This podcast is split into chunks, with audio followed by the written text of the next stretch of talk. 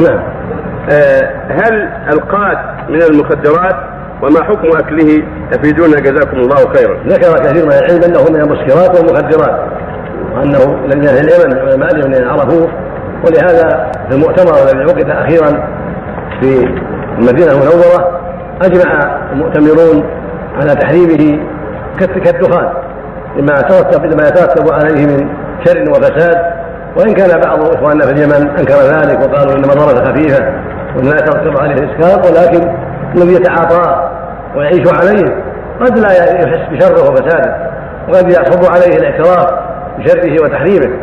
أما الذين قد عافاهم الله من شره وقد عرفوه فقد ذكروا فساده وأنه قد يسكر بعض الأحيان وأن شاربه قد يختلط عليه الطريق ويضيع أهله وأولاده عندما يتعاطاه. علاوه على ما يترتب عليه.